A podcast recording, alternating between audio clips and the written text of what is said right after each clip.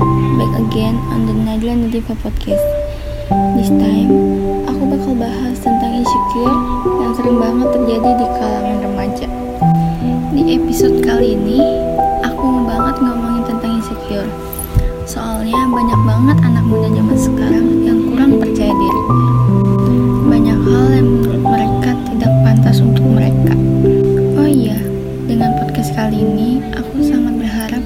bisa lebih paham tentang mencintai dirimu sendiri. Karena kamu akan selalu merasa puas ketika kamu mengerti arti mencintai dirimu sendiri. Setelah kamu mengerti hal itu, kamu akan jauh lebih baik dan kamu tidak akan merasa kurang lagi. Pasti kalian udah gak asing dong dengar kata insecure.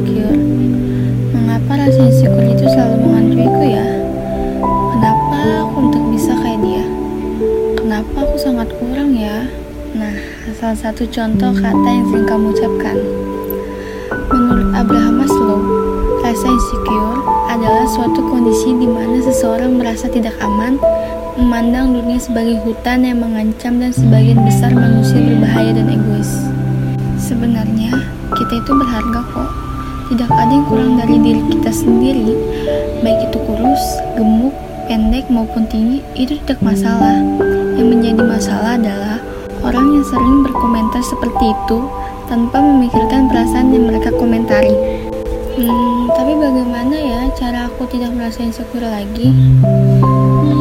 Menurut Melanie, psikolog klinis asal Amerika Serikat, kalian bisa menerapkan beberapa tips ini loh, antara lain yang pertama itu, kamu bisa tulis atau baca jurnal harianmu.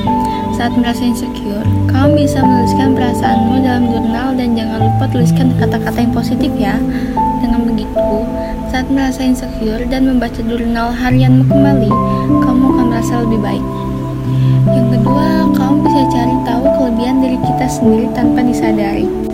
Kita sering kali berfokus pada kekurangan dalam diri, padahal hal tersebut justru akan membuat kamu insecure.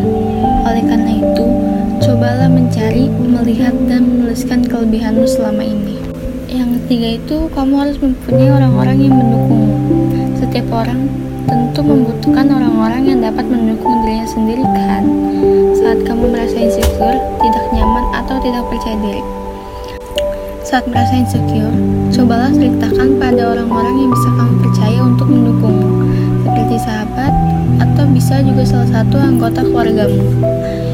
Terakhir itu, kalian bisa konsultasikan dengan ahli loh.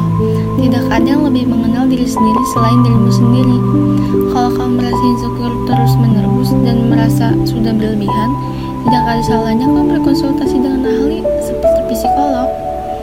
Oh iya, poin penting dalam podcast kali ini adalah jika kamu dapat membawa diri kamu dengan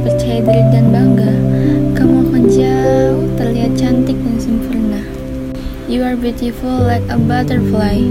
You can see your beautiful wings, but people around you can see them. Tidak selalu apa yang kamu lihat itu buruk. Belum tentu orang lain akan melihat itu buruk juga. Jangan terlalu memikirkan hal-hal yang tidak perlu kamu pikirkan ya.